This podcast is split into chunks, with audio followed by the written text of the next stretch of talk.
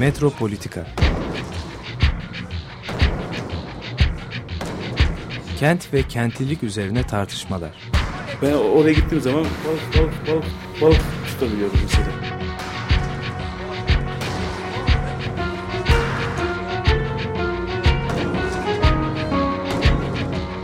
Hazırlayan ve sunanlar Aysim Türkmen ve Deniz Gündoğan İbrişim.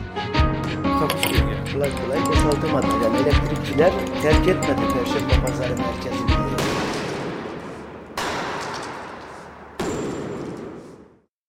Merhabalar sevgili Açık Radyo dinleyicileri. Bugün e, çok e, hoş bir e, konu üzerine sohbet edeceğiz. Deniz Çalışkural, hoş geldiniz. Çok teşekkür ederim, hoş bulduk. Ben de davetiniz için çok teşekkür ediyorum.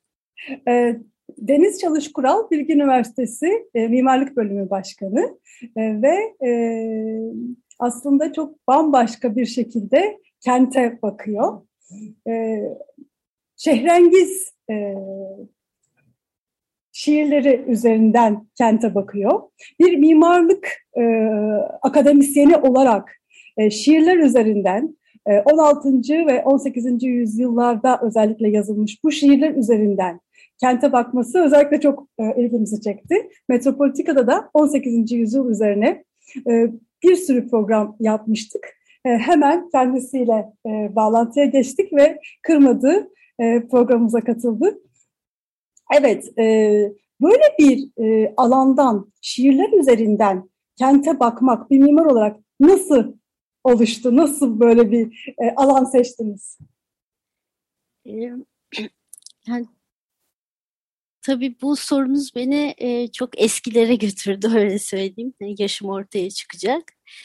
E, müsaade ederseniz e, lisans dönemimden bir anımı anlatmak istiyorum. Ee, biz çok, ben ODTÜ mimarlık mezunuyum ve çok modernist bir eğitim aldık. Ee, lisans eğitimden sonra e, Brooklyn, New York'a gittim yüksek lisans için ama arada bir senem vardı. O dönemde de çok sevdiğimiz, sonradan da benim tez hocam oldu. Jale Erzen bizi bir Mimar Sinan gezisi yapmak üzere Ankara'dan çıkardı. Bursa, Edirne, İstanbul. Sinan'ın eserlerini gezdik. E, bu geziyi yaparken belki bir mimarlık öğrencisi için çok geç olabilir ama dikkatimi çeken bir unsur oldu. E, yaptığımız, gördüğümüz e, her e, Sinan eserinde e, mimari mekanın iç kurgusunun yanı sıra e, arazi planlamasında her külliyenin kentle kurduğu inanılmaz sıkı e, ve birbirinden ayrılmaz bir ilişki vardı. Ve bu ilişkide mesela özellikle bugün çokça gündeme de geliyor. Süleymaniye'nin e, terasından e, Haliç görüntüsü biliyorsunuz e, bu görüntüyü engelleyen bir yapı üzerine bugünlerde çok e, haberler de çıktı.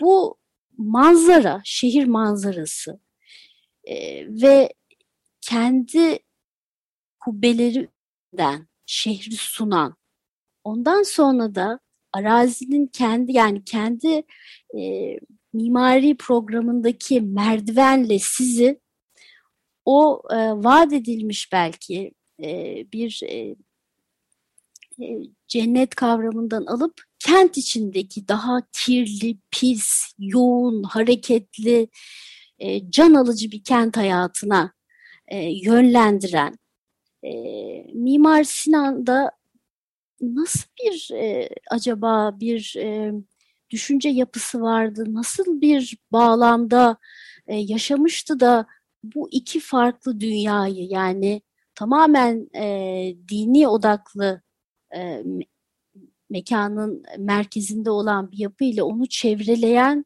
çok hareketli ve çok cezbedici şehir arasındaki ilişkiyi bu kadar e, net bir şekilde kurup bunu her yapısında tekrar etme e, arayışı nasıl ortaya çıkmıştı diye ben ilk başta bunu düşünmeye başladım. E, ve e, o zaman tabii yüksek lisans tezimi Mimar Sinan yapıları üzerine yaptım. Bu konu üzerine. Yani bu iki e,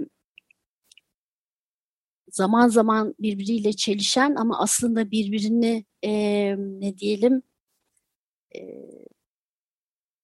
birbirini tamamlayan yani birbirini belki dengeleyen bir içsel arayışla e, kent hayatının e, birlikteliği üzerine e, ve bunun arazi planlarında, mimari planlarda nasıl e, vurgulandığı üzerine ya, ya, yaptım ama 16. yüzyılla ilgili de tabii çok okumalarım oldu. Bu noktada hiç e, yani Derin Terzioğlu'nun e, Sürname-i Hümayun 16. yüzyılda yapılan törenlerle ilgili bir mukarnasta yazısı vardı. Çok dikkatimi çekti. Şehrengiz diye bir e, şiir türünden bahsediyor. E, tabii e, çok ilgimi çekti. E, bu kelime çok güzel bir kelime. Ne demek yani ne kadar e, ilgi uyandırıcı, ne anlama geliyor olabilir, e, bu şiirler nelerdir e, diye e, buradan okumaya başladım. Yani aslında e, master tezimi yaparken karşıma çıktı. Ondan sonra doktorada da bu konuyla e, devam ettim ama tabii şiirlerin ötesine geçmek e, gerekti e, aslında şehri anlayabilmek için. Şehrengiz ne demek? E, şehrengiz e, şiir geleneği, janrası nasıl oluşmuş? E, kimler e, şehrengiz yazıyor? E, divan şiirinin içinde nereye oturuyor? Gazelle olan ilişkisi e, karşılaştırdığımızda e, nasıl kurarsınız? İlişkisi var mı, yok mu, farklı mı, nasıl farklı? E, şöyle, e, şehrengiz kelimesi kelime anlamıyla e, düşünecek olursak mesela şöyle düşünün dehşet engiz yani gerçekten çok dehşet veren e, şehrengiz de böyle şehri size dolu dolu e, yaşatan veren yani o şehri belki duyumsamanızı, özümsemenizi, parçası olmanızı sağlayan aslında oldukça e, seksi bir kelime öyle söyleyeyim. E, şehrengiz türünün e, orijiniyle ilgili aslında e, İran e, şiir türünde de e, çok benzer şiirler olduğu e, söyleniyor. İlk örneği de 1512 yılında Mesih'in e, şehrengizi. E, fakat onun öncesinde e, Taşlıcalı Yahya var. Yani adı şehrengiz olmasa da e, şehrengiz türüne öncülük ettiği söyleniyor. Tabii ben şunu da belirtmek isterim ki ben bir edebiyat tarihi değilim aslında. E, ama e, bu konuyla ilgili bilgi vermek yine gerekirse Mesnevi türünde yazılmış oldukça uzun e, şiirler bunlar. E, ve şehrengizler kentler hakkında yazılıyor. Ama kentler hakkında birebir bilgi vermiyor. Yani bir şehrengizi okuyarak o kentin herhangi bir parçasını, bir anıtını, bir sokağını hani bugün anladığımız anlamda rekonstrüktif bir şekilde kurgulamamız çok mümkün değil. Farklı şekilde bilgi veriyor. Şöyle e, İstanbul, Edirne, Bursa ve onun dışında çok e, farklı şehirlerle ilgili yazılmış pek çok şehrengiz var. Ben çalışmayı yaparken e, 40 küsür tane şehrengiz e, tespit edilmişti. Onların üzerinden e, gittim ve çoğunlukla İstanbul şehrengizlerini e, çalıştım. Ama tabii e, benim çalışmam 2014 senesinde tamamlanmıştı. E, hatta ondan sonra keşfedilen e, veya üzerinde çalışılan yeni şehrengizler de ortaya çıktı. Şu anda daha fazla sayıda elimizde şehrengiz var. E, genelde e, bu çok uzun şiirlerde mesela ben kitabımda incelediğim birkaç tanesinde böyle bir nevi bir gezi anlatılıyor. Biraz masalımsı. E, şair e, kent içerisinde e, dolaşıyor ve hep bir sevgili arıyor. Yani kaybettiği bir nevi e, onu e, sevgilisini e, arıyor. Bazı yerde onunla karşılaşıyor. Ka hani e, o sevgili hemen onun gittiği mekanlardan e, önce geçmiş oluyor, e, onun peşinden e, gidiyor. Tabii bu bir metafor e, yani hani hepimizin de anlayabileceği gibi. E, Şehrengiz'in en önemli kısmı son bölümü. Bu son bölümde e, bir anda şair e, kentli e, e, ve kentte farklı meslek sahiplerini e, anmaya başlıyor. Ve onların isimlerini, işte e, özelliklerini, saçlarını, işte e, gözlerini, e, huylarını böyle kısa kısa onları e, anlatıyor. Onları şehir oğlanları da e, deniyor e, veya e, esnafta çalışan belki daha e, farklı görevlerde meslek sahipleri e, olabiliyor bu şehir oğlanları. Ve onların hepsinden birer birer isimleriyle sanki birer sevgili gibi bahsediyor. Bazı şehrengizlerin son e, bu bölümün son kısmında ise e, bir takım e, yani e, sonradan teşhis edebileceğimiz kim olduklarına belki e, yorum yapabileceğimiz isimler de geçiyor. Şimdi bu isimlere baktığımız zaman bu isimlerin bazılarının aslında e, melami e, olduklarını e, görüyoruz. O nedenle ben Şehrengizleri okumaya başladım. Ondan sonra tekrar melamilerle ilgili okumalar, Melamilerin e, refere ettiği İslam felsefesinde karşımıza çıkan bazı düşünürlerle ilgili hani okumalar e, yaptım. Gazellerle karşılaştırmamız gerekirse e, tabii pek çok farklı türle karşılaştırabiliriz. Gazelle karşılaştırmamızın sebebi şu olur. Çünkü e, şehrengizlerin bir ekolojisi var. Yani şehir içerisinde yer alıyorlar veya bir şehirden diğerine gidiliyor. İşte Edirne, Vize, e, İstanbul, e, Anadolu'daki farklı taşra kentleriyle ilgili şehrengizler yazılıyor. Yani e, mekan, anlatılan mekan hep şehir. Böyle e, ekolojisi olan bir diğer şiir türü de burada Walter Andrews'a referans vermemiz gerekir. Kendisinin bu ekoloji lafı Walter Andrews'a aittir. E, gazeller. Gazeller e, çok daha kısa şiirler e, ve ekolojileri e, çok tanımlı, tarifli bahçeler. Şimdi karşılaştırmamız gerekirse gazel türün gazel e, türü aslında bahçelerde yapılan e, bir takım e, davetlerde okunuyor. Yani bu Walter Andrews'un anlatısında. Ve bu davetler e, genelde hani akşamüstü e, ikramlarla birlikte e, belki bahçede oturuyorsunuz, güzel bir esinti, e, onu hani vücudunuzda hissediyorsunuz. E, mutlaka hava güzel ki bahçede oturuyorsunuz. Hani çiçeklerin bahar, e, ağaçların hani kokusu onu duyuyorsunuz. İkram var. Hani yiyorsunuz güzel bir şeyler. E, bütün duyularınızı tatmin ettiğiniz bir ortamda bugün hani ben öğrencilerime hep onu soruyorum. Siz arkadaşlarınızla bir araya geldiğinizde ne konuşuyorsunuz diye. E, bu gruplar da şiir okuyorlar. Yani şiir bir paylaşım, e, bir sohbet nesnesi oluyor. Fakat okunan e, şiir genellikle gazel türü olduğu için onun da bir takım e, e, yani e,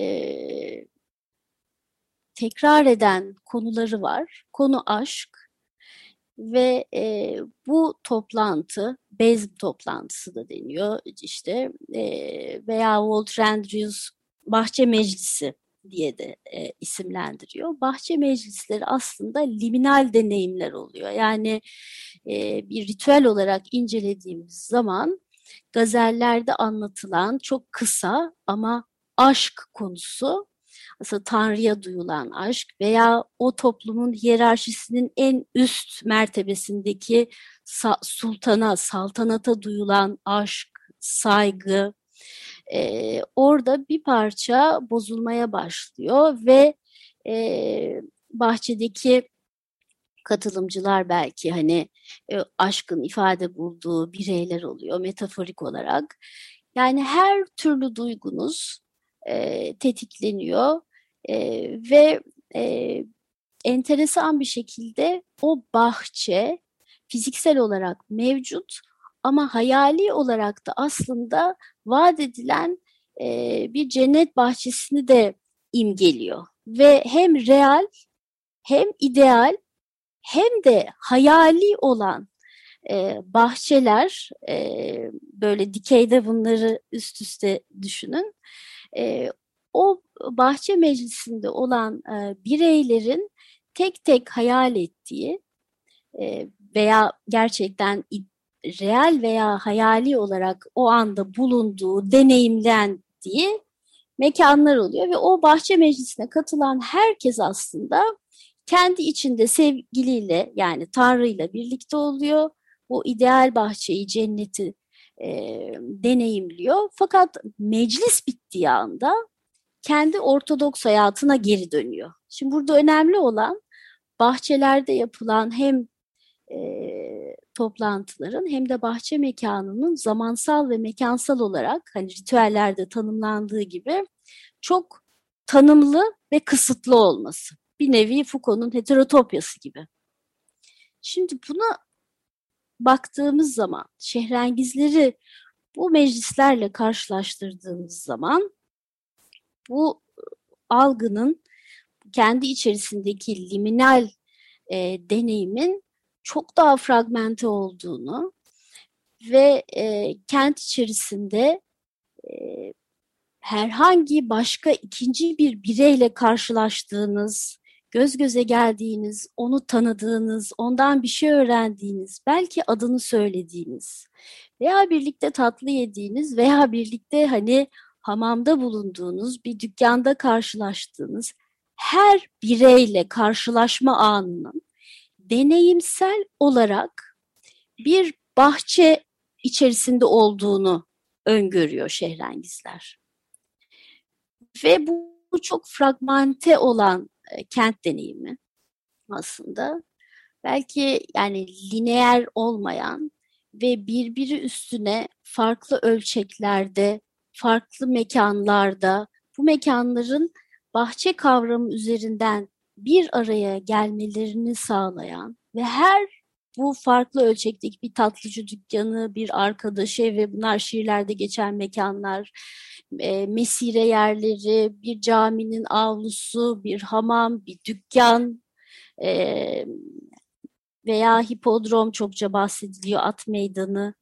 E, bunların hepsi farklı ölçeklerde e, belki de bugün anladığımız e, anlam daki kamusal alan kavramına yakın e, mekanlar olarak karşımıza çıkıyor. E, o yüzden e, çok tarifli ve tanımlı, kendi içine kapalı olan bahçeye alternatif bir kent peyzajı karşımıza çıkıyor Şehrengizler'de. Bu bakımdan çok önemli.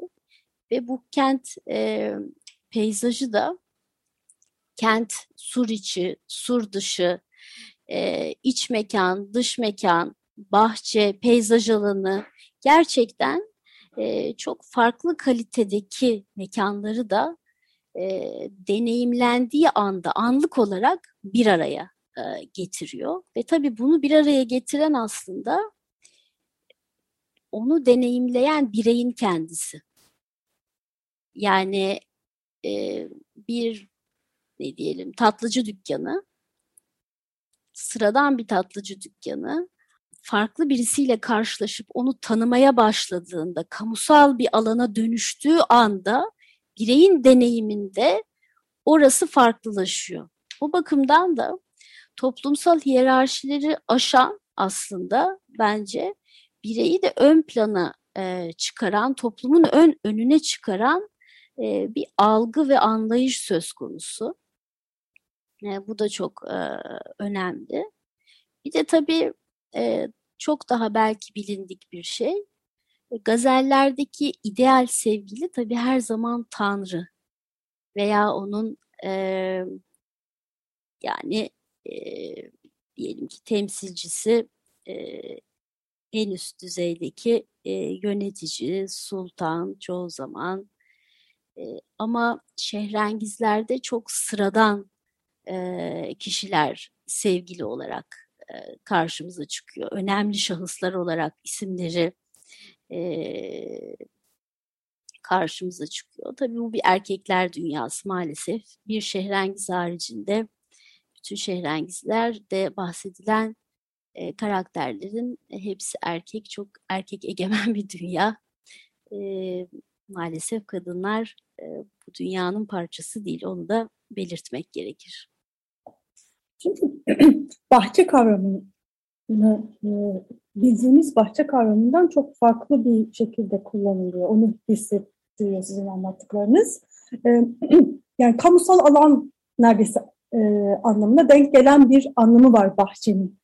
Biraz bu, bu burayı birazcık daha bize e, anlatabilir misiniz? Yani e, suyun dışında kalan her yer, yani karşılaşma alanı kentteki suyun dışında olan herhalde diye tahmin ediyorum. Çünkü orada o zaman boğaz ve su da çok kullanılıyor. Aslında kamusal alan olarak çok önemli bir e, alan. Ama onun dışında kalan her yere bahçe deniliyor. Şöyle bazen bahçe deniyor. Mesela at meydanından çoğunlukla mesire alanı olarak bahsediliyor. E, şöyle belki tariflemekte e, fayda var. E, gerçekten her türlü kavram ve her mekanın hem gerçek yani fiziksel olarak var, var olan hem yani belki platonik anlamda böyle bir ideal e, şekilde var olan hem de e, hayal gücü e, dünyasını aslında bunun çok güzel bir tabiri var İbn Arabi kullanıyor. Hayal gücü havuzu e, diyor. E, bu havuzu oluşturan e, imgelerden oluşmuş çok üç farklı e, karşımızda e, dünya var. Yani bahçe dediğimiz zaman bu e, real bir bahçe olabilir, metaforik bir e, bahçe olabilir, ideal bir cennet bahçesi olabilir. E, bu e, bireyler yani 16. yüzyıldaki diyelim bireyler e, bu farklı setlerdeki yani farklı e, ideal idealar dünyası işte e, daha böyle masalımsı hayal gücünde belki var olan e, öğrenilmiş imgeler dünyası ve gerçek dünyadaki gerçeklikler arasında çok kolay bir şekilde kayabiliyorlar. E, anlatabiliyor muyum? E, belki e, yani bu e, algıları da öyle bir dünyadan diğerine çok kolay bir şekilde gidebiliyorlar. Şiir buna hep araç oluyor. Bunun e, aracı oluyor. Onları götüren o şiir törenleri de bu e, belki dikeydeki bir yolculuk diyebiliriz. E, yolculuğu fasilite eden e, bir e, nevi bunu performansa dönüştürüyor. E, öyle söyleyelim. O yüzden e, felsefeye baktığımız zaman bahçe bir karşılaşma anı. Ee, ama mesela melamilerin veya işte özellikle şehrengizlerde karşımıza çıkan bahçe kavramı anlık bir bahçe felsefi olarak. Barzak da deniyor, ara mekan. Birbirine farklı olan iki gerçekliğin e, buluşma anında o anda anlık olarak e, ortaya çıkan e, ve deneyimin sonrasında kaybolan aslında çok değişken e, bir mekan orası ve bu mekanı da algılama biçimleri var. Yani e, idrak etme, o mekanı e, kavrama, e, aynı şekilde o mekanı oluşturma, e, yani yaratıcı e, hayal gücü deniyor buna. E, söz konusu. E, o barzakta yani o ara mekanda aslında in, e, birey gerçekliğe ulaşıyor anlık olarak. Yani ben şimdi sizi tanıdım. E, belki bizim bahçemiz buzluğun mekanı oldu öyle söyleyelim. E, ama kapadığımız zaman hani bir ekran olarak orada e, kalacak. E, bu noktada da bireyin deneyimiyle oluştuğu için o e, mekan e, bireyi çok ön plana çıkarıyor ve bir erken e, modern e, arayışı bize e, işaret ediyor. Çünkü sizle ben olmadığımız e, sürece bu ekranın veya bu mikrofonun e, bir bahçeye dönüşmesi çok söz konusu değil hani öyle e, söyleyeyim. O yüzden e, mesela e, hipodromdan çok seferler mesire alanı olarak bahsediliyor ki biz biliyoruz hipodrom aslında e, hiç mesire alanı olabilecek bir e, yer değil, bir bahçe değil. Öyle söyleyeyim. Siz anlatırken e, dün okuyordum e, Walter Benjamin'in e, özellikle e, Baudelaire'in şiirlerinde anlatılan kent üzerine çalışması olan, e, onunla başlamış olan bu pasajlar e, büyük kitabının e, kent imgelemi gözünde canlandı. Baudelaire böyle anlatıyor. Benjamin de bu anlatımı bize ulaştırıyor. Farklı bir şekilde analiz ediyor, genişletiyor. Tam burayı hissettirdi. Yani 19. yüzyıl başından itibaren oluşmuş modern kentin betimlenmesini e, sanki tarif ediyordunuz. Böyle bir hani çok enteresan başka bir e, muhayyile ile karşılaştım. Bildiğimiz evet. modern kent muhayyilesiyle karşılaştırabileceğimiz. E, evet, e, beni de bu cezbetmişti aslında öyle söyleyeyim. Yani şimdi Baudelaire deyince e, Baudelaire bir tepeden Paris'e bakıyor ve Paris'in e, bütün aslında e, neredeyse heterotopi olarak nitelendirilen yeni modernist kurumlarını sevdiğini söylüyor aslında. Yani hapishanesini seviyor, genel evini seviyor, işte e, yeni mahallelerinden bahsediyor. E, kenti gerçekten her şeyiyle e, özümsüyor, onun parçası e, oluyor, onu hissediyorsunuz okurken. Aslında yani e, 16. yüzyılda Süleymaniye'nin e, terasından bakarken de bunu hissediyorsunuz. Yani ben de bunu hissettiğim için bu arayışa girmiştim gerçekten. Orada şehrin her parçasını duyumsuyorsunuz ve bu çok tekrar eden bir olgu. Yani bir rastlantı değil. E, o bakımdan da e, yani bunun üzerinde çalışılabilir olduğunu e, düşünmüştüm.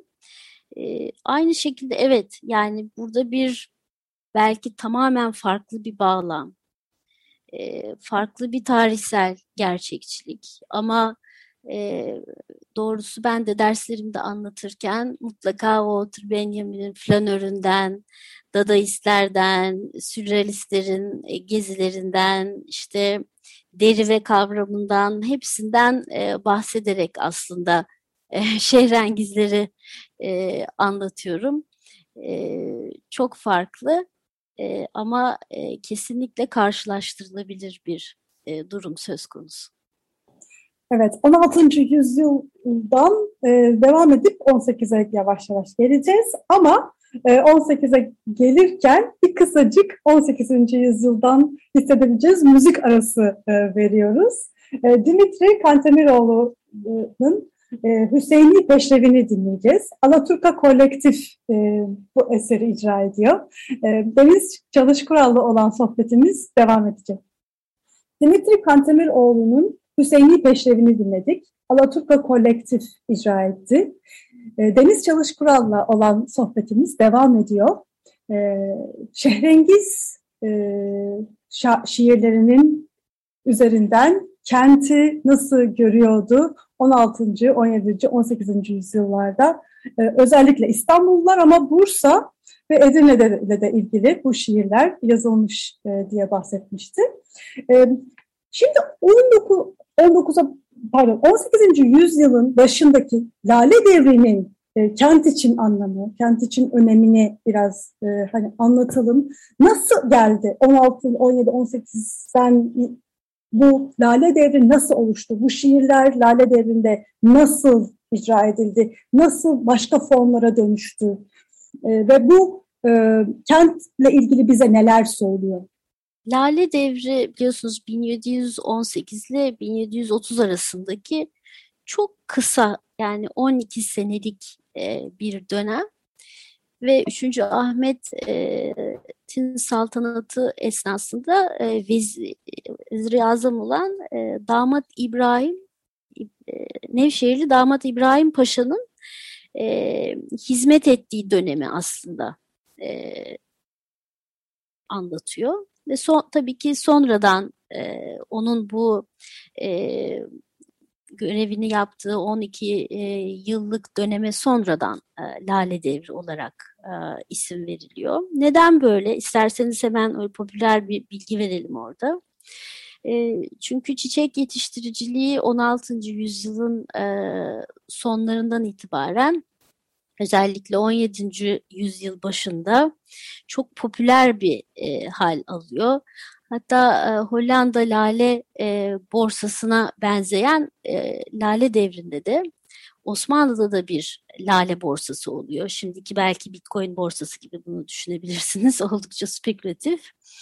E, ilk çiçek yetiştiricisi e, aslında böyle 16. yüzyıl sonunda çok saygı duyulan bir e, din adamı iken Lale devrine geldiğimiz zaman e, defterler var. Orada görüyoruz ki e, hükümdarın kendisi, işte veziri azam, diğer vezirler, yüksek zümredeki görevliler ve çok e, sıradan insanlar hepsi lale yetiştirmeye başlıyorlar. Tabii bunun en kıymetlisi hani en üst düzeydeki, hiyerarşinin en üstündeki e, kişinin yetiştirdiği lale. Bunların bedelleri var, özellikleri var. Hepsinin çok şiirsel e, isimleri var bu la, geçen e, lalelerin. E, bu e, hiyerarşi hani ne kadar e, halkın içerisinde sosyal sınıfınıza göre e, sıralanıyor. Ona göre de bir bedelle öyle söyleyelim değerlendiriliyor. E, tabii bunun arasından sıyrılan ve çok ender, çok güzel, o günkü güzellik anlayışına göre bu da tarifleniyor. Laleler yetişiyor. Şimdi Bizde de ben mimar olduğum için e, bizim mesela öğrencilerimizde çoğu meslek, meslektaşımızın arasında da hep şöyle bir inanç vardır. İşte bahçelerden bahsederken, çiçeklerden bahsederken e, bu tarihin e, ve çok e, şiirsel, çok lirik, e, çok romantik olduğu e, düşünülür. E, halbuki e, tam tersi e, bahçeler bütün kentsel alanlar gibi ve peyzaj alanları diyelim. Çünkü şehrengizlerde bahçenin ötesinde karşımıza peyzaj kavramı çıkıyor. Aslında e, farklı ideolojilerin kendilerini ifade etmeye çalıştığı sert alanlardır. Yani e, evet e, şiir görüyoruz, e, çok güzel estetik çiçekler, yeşil ağaçlar görüyoruz ama e, asıl e, bu peyzaj alanlarının gerçek hikayesini e, bize e, çarpışan ideolojiler ve kendini bu açık alanlarda ifade etmeye e, çalışan e, farklı grupların e, çatışan fikirleri e, daha doğru, daha e, ne diyelim samimi bir şekilde anlatıyor. Lale Devri de 1730 senesinde oldukça kanlı bir ihtilalle e, patronu Halil isyanıyla son buluyor. Ve patronu Halil isyanı sırasında sonbaharda başlıyor. Patronu Halil isyanı e, yaklaşık 40 gün kadar e, sürüyor doğru hatırlıyorsam. E, ve tabii 3. Mahmet 3. Ahmet pardon tahttan indiriliyor. Damat İbrahim Paşa e, azlediliyor. E, Nedim enteresan bir şekilde dönemin en e, gözde şairi veya bugün bize ulaştığı şekliyle o dönemi en güzel bir şekilde anlatan bir şair. E, ihtilalcilerden kaçarken e, hikayeye göre damdan e, düşüp ölüyor. E, hem Damat İbrahim Paşa hem e, Nedim'in kendisi e, Damat İbrahim Paşa'dan önceki e, 3. Ahmet'e e, vezirlik yapmış olan e, bazı isimler e, yüksek mertebede e, rol almış devlet adamları bu dönemde çok enteresan bir şekilde sonradan anlaşılıyor ki e, melami e, e, oldukları mezar taşlarından e, anlaşılıyor. E, zaten tarihçelerde de biz bunu okuyabiliyoruz. E, bu konuya biraz sonra geri dönerim, dönelim. E, Lale Devri'nin sonunu e, hazırlayan bu patronu Halil isyanı sırasında e, tabii isyancılar e, pek çok talepte bulunuyorlar. Bu taleplerden bir tanesi de çok enteresan. E, 3. Ahmet döneminde e, Kağıthane'de e, inşa edilen e, Sadabat Sarayı var. Bunu tabii hepimiz biliyoruzdur. Hani çok belki üstünde durmaya gerek yok ki aslında Sadabat Sarayı ve onun etrafındaki Kağıthane Mesiresi e, o dönemin hemen ilk akla gelen en önemli e, anıtları. Çünkü bu dönemde çok büyük eserler yapılmıyor. Çeşmeler var. Pek çok çeşme, su yolları tekrardan ele alınıyor. Pek çok çeşme e, inşa ediliyor. Belki bugün hani kentsel akupunktur noktaları gibi düşünebilirsiniz bu çeşmeleri. Hem bir e, kamusal hizmet su, su veriyorlar hem de çok büyük anıtlar yapmadan kent içini tekrardan bayındırlaştırmaya yani ihya etmeye e, çalışıyorlar. Kenti noktasal olarak tekrar tarifliyorlar bu çeşmeler.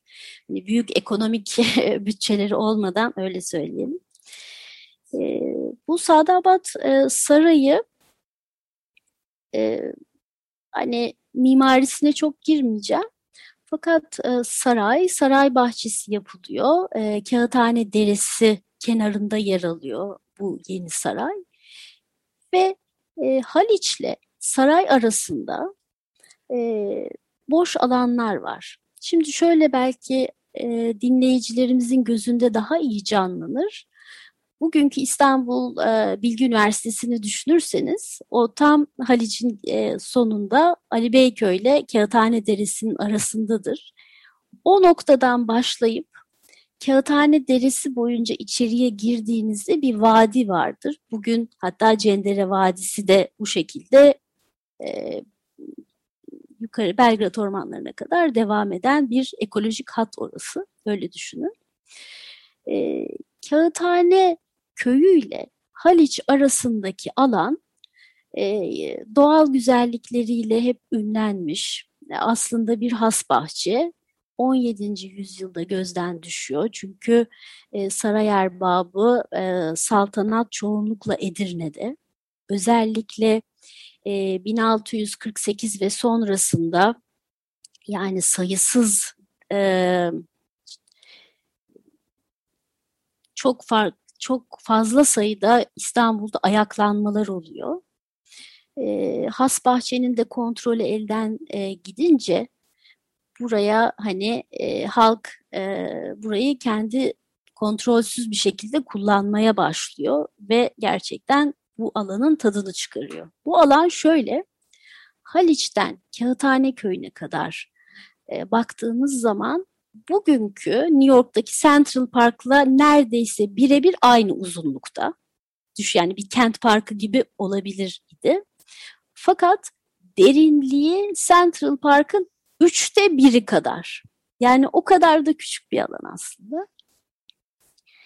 Ee, bir noktada Sadabat Sarayı inşa ediliyor. Sarayla Haliç arasında kalan bölgede de mülknamelerle bazı bel belgelere göre 40, Bazı belgelere göre ise e, 100 kadar e, küçük e, arazi e, böyle üst düzey görevlilere e, veriliyor ve şart şu, bunu biz İslam şehirlerinde çokça görüyoruz, burayı bahçeyle mamur etmek. Yani bir nevi belki de e, batıya da dönecek olursak Versailles Sarayı var ama sarayın yanında da işte o Fransız aristokrasinin e, yaşadığı ve o saraydaki hayatı belki besleyebildiği e, daha e, farklı yerleşimler var. Şimdi burada patrona Halil bir noktada şöyle bir talepte bulunuyor. E, diyor ki buradaki bu e, işte 40 ila 100 sayısını tam olarak bilmiyoruz. Bu bahçeleri e, yok edilmesi gibi bir talep. İşte saray diyor ki lütfen bize üç gün verin. Çünkü bunlar çok küçük bahçeler. Ben hem Sedat Hakkı Eldem'in e, kendi eskizlerinden e, hem de e, daha böyle tarihi belgelerden işte o minyatürlerden yola çıkarak bu bahçelerin aslında nasıl olabileceğine dair bir takım üç boyutlu e, rekonstrüksiyonlar yapmaya çalışmıştım.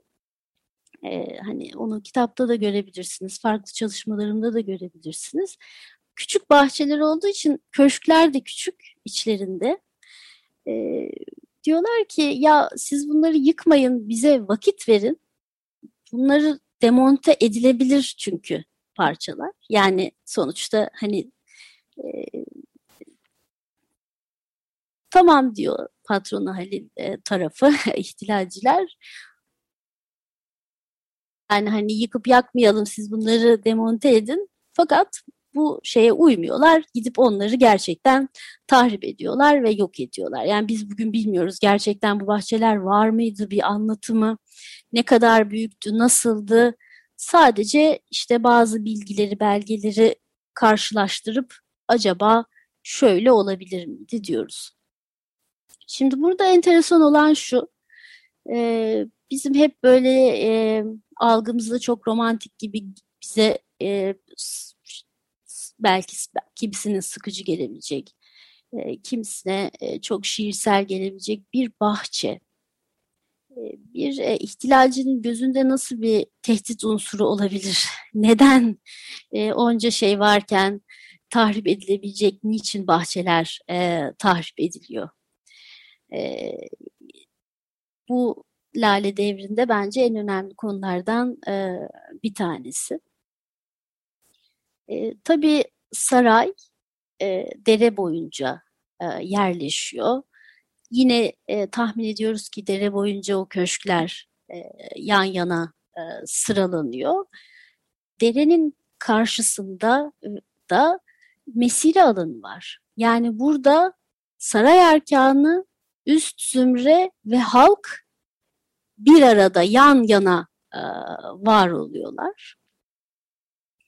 E, bu karşılaşma tabii ki o döneme kadar bizim gördüğümüz Topkapı'daki karşılaşmadan çok daha farklı.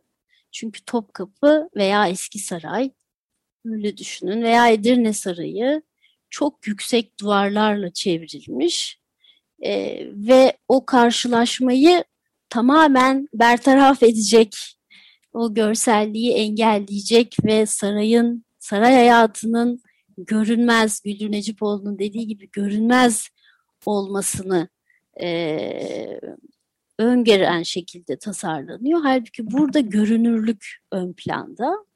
Görünürlüğün ötesinde bir de Nedim'in önemi burada ortaya çıkıyor. E, Nedim'in şiirlerinden e, bir bahçe rekonstrüksiyonu yapıyoruz. Çünkü Nedim çok gerçekçi.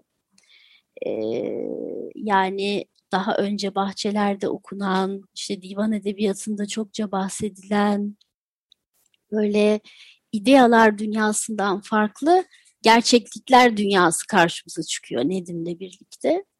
Ve Sadabad'ı da bize anlatıyor ve Nedim'in anlatısında bahsedilen bir bağı İrem bahçesi var. Yani yeryüzündeki cennet bahçesi bu. Ee, ben şunu öneriyorum okumalarımda. bu bahçe aslında saray bahçesinin içerisinde ama saray bahçesinin e, ana mekanıyla halkın kullandığı mesire alanı arasında konumlanmış. Çok küçük, kesinlikle gözden kaçabilecek ama incelendiği zaman e, bugün tamamen tematik olarak aslında nitelendirebileceğimiz bir cennet bahçesi ve bir ara mekan. Yani şehrengizlerde karşımıza çıkan ve anlık olarak e, bireyleri birbirine tanıtan kamusal hani alan öngörüsündeki gibi Sadabat Sarayı'nın kendisi aslında böyle bir barzak, böyle bir ara mekan kavramını yani yeryüzündeki cennet bahçesini kendi saray bahçesiyle halkın kullandığı mesire alanının ortasına yerleştiriyor. Tabi tematik bahçeler her zaman e, eleştiriye açık bahçeler çünkü aslında kendi içinde e, yapıcı değil yani durağan ve statik bir e, algıyı ve imgeyi barındırıyor. E, ama an itibariyle düşünecek olursak belki de Osmanlı'nın ilk ve tek tematik bahçesi. Gerçekten Sırat Köprüsü'yle e, has bahçeye e, bağlanıyor. E, işte üzerinde çeşmeyi nur var. Kendi inançlarındaki gibi bahsedilen şekilde bahçenin altından su kanalları akıyor. Yani gerçekten bir cennet bahçesini canlandırma çabası var yeryüzünde ve sarayla halkı birleştiren bir mekan aslında. Evet halk orayı kullanamıyor ama görebiliyor ve bir öneri bütün bunlar tabii e, Osmanlı'nın e, daha geleneksel, ortodoks e, inançlarına yani marjinal kalan alternatif yaklaşımlar, saray duvarlarının aşağılara inmesi, görünür olması, sarayla e, halkın e, bir arada eğlenmese bile eğlendikleri, var oldukları mekanları bir araya getirebiliyor olma durumu. Yani e, klasik hiyerarşiyi, toplumsal e, ve inançsal hiyerarşileri tabii e, sorgulatan kavramlar. E, o bakımdan da bir tehdit unsuru olarak e, görülüyor. E, Sadabat Sarayı'na çok bir şey yapmıyorlar ama tabii orası senelerce bakımsız kalıyor. Ta ki e, 1. Mahmut tekrar orayı ele alıp e, düzenlemelerle hani kullanıma açana kadar. Fakat diğer küçük saray yapıları maalesef e, yok yok oluyor öyle söyleyelim. E, bu görünür kılınmanın e, şey çok yüksek tabii yani bugün algıladığımız e, etkisinden çok büyük gerçekten sarayın kendini görünür kılması. Ayrıyeten bahçeleri de açıyor öyle değil mi? Yani halkın var olabildiği bahçeler de olmaya başlıyor Belgrad Ormanı gibi. Yani halk artık farklı bir kamusal alan deneyimi yaşayabileceği yerler oluşmaya Şöyle, başlıyor kentte. Şöyle aslında e, şimdi e, bahçe her zaman var. Mesire e, kavramı yani o çok güzel bir yani kırlık bir alan anlamına geliyor aslında. Yani hem kentin e, belki periferisinde ama kente dahil olan e, ve kentlinin kullanımına açık kırlık alanlar. Yani tam park gibi değil ama hani neredeyse park alanları gibi de düşünebiliriz. Şimdi bunlar hep var. Sayıları da biliniyor. Oldukça çok yani e, görünmez değiller ama e, lale devrindeki kullanımları değişiyor. O bakımdan e, bir farklılaşma var. Hani hiçbir zaman yani mesela çeşmeler çok var diyoruz. Çeşmeler hep var. Ama e, bu dönemde evet belki e, sayı biraz fazlalaşıyor ama onlara e, atfedilen önem ve kullanım farklılaşıyor, görünür oluyorlar. Bahçeler de hep var. Hatta şöyle söyleyeyim. E, bugün bile mesela gece kondu semtinde dolaşın. değil mi? E, işte çok eskimiş, paslanmış bir zeytinyağı e, bidonunun içinde insanların çiçek yetiştirdiğini e, görürsünüz. Şimdi o insan için o bir bahçe. Yani bu gerçekten e, kültürel bir imge. Tek bir çiçek, tek bir ağaç, küçük bir bahçe, büyük bir bahçe her zaman bu hani toplumun e, günlük yaşantısının içerisinde e, var. Ama e, lale devrindeki önemi aslında e, o bahçenin daha e, nasıl diyelim e, bir e, günlük hayata dair da, dair daha e, kamusallığı kabul edilmiş bir şekilde yorumlanması. Bir de şunu söylememiz gerekir. Belki daha anlatısı kolay olur. E, 28 Mehmet Çelebi Fransa'ya gidiyor. Yani bu dönemde diplomatik ilişkilere de çok önem veriyorlar. E, çünkü aslında e, yeni bir e, devlet yönetiminin yani değişmesi ve yenilenmesi gerektiğinin farkındalar. Diplomasi ön plana çıkıyor. 28 Mehmet Çelebi 1720-21'de Fransa'ya gidiyor. Aslında belki burada bir küçük parantez açıp e, Hı? şey de söylemek lazım. Yani savaşların durulduğu bir dönem. Durulduğu bir dönem. Yani evet. o e, hani e, akıncılar olarak Avrupa'ya gidip orada e, hani Tabii, savaş evet. ekonomisinin de değiştiği bir dönem. E, bütün devlet ideolojisi bu anlamda değiştiği için Tabii. yani e, saray artık padişah artık kentte duruyor ve kentte e, o yaşamı e, kendini gösterişli olarak e, koyduğu sürece meşruiyetini arttırıyor. Tabii şimdi pardon onu söylemeyi unuttuk. Şöyle Lale Devri yani 3. Ahmet'in e, hükümdarlığı 1730'da patrona Halil isyanıyla son buluyor. Enteresan bir şekilde aslında başka bir isyanla da başlıyor 1703'te. E, ve 1703'ten önce de çok fazla isyanlar var. Yani bu aslında süre gelen bir durum. E, 16. yüzyılın ikinci yarısından itibaren e, çok fazla isyan oluyor ve çoğunlukla enteresan bir şekilde de o dönemde görev yapan e, sultanlar aslında çoğunlukla Edirne'de bulunuyorlar. Yani bir merkez var. Şimdi Osmanlı'da merkez çok önemli. Çünkü bütün kozmoloji, bütün yani bedensel, mekansal anlayış, iç mekan ve dış mekan gibi iki birbirini kavrayan ama birbirinden tamamen zıt olan e, bir anlayış üzerine kurgulanıyor ve o e, algıda da merkezde hep saltanat var. Yani tabii bir e, derecede tanrı var. Onun hani aksinde saltanat var. Şimdi ne oluyor? 1650 sonrasında merkez bir anda sahipsiz kalıyor. Yani diyorlar ki işte batı, batıya e, akın edeceğiz, buradan e, daha rahat hareket ederiz ama neredeyse korkup kaçıyorlar ve e, üst düzey e, işte danışmanları, e, ileri gelenler, ulema hep padişahlara şunu söylüyor.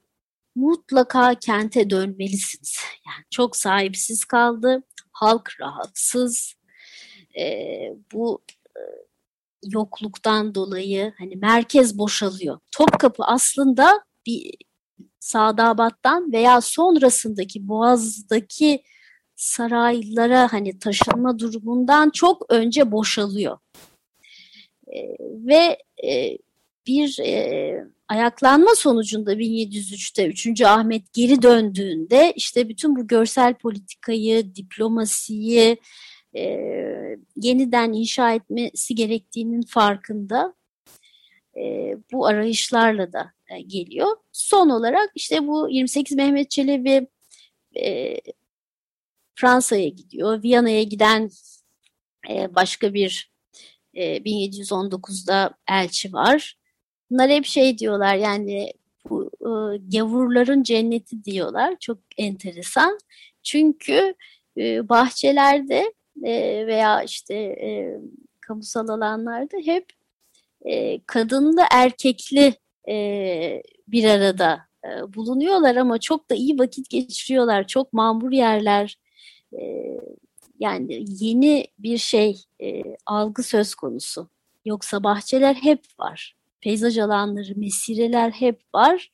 Ama burada bir kırılma e, meydana geliyor.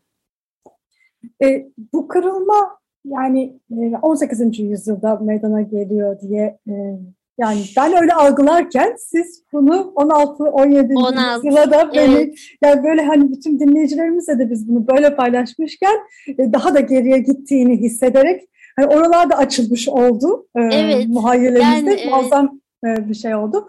Belki de programın sonuna gelirken bu 18 yani 16'da başlamış olan bu süreç 18. yüzyılda yani kamusal alanın farklı bir şekilde artık deneyimleniyor olması 19'da nasıl bir şey yaşıyor öyle belki hani bir çok kısa bir şekilde buradan bahsedebilir miyiz? Yani bu modernlik e, deneyimi farklılaşıyor. 16'dan 18'e kadar gelmiş olan modernlik deneyimi 19'da farklılaşıyor. Nasıl farklılaşıyor? Şöyle e, yani bu kesinlikle bir eleştiri olarak da kabul edilmemeli bence. Tarih olduğu gibi e, tarih hani hiçbir dönemi bir diğerinden üstün değil.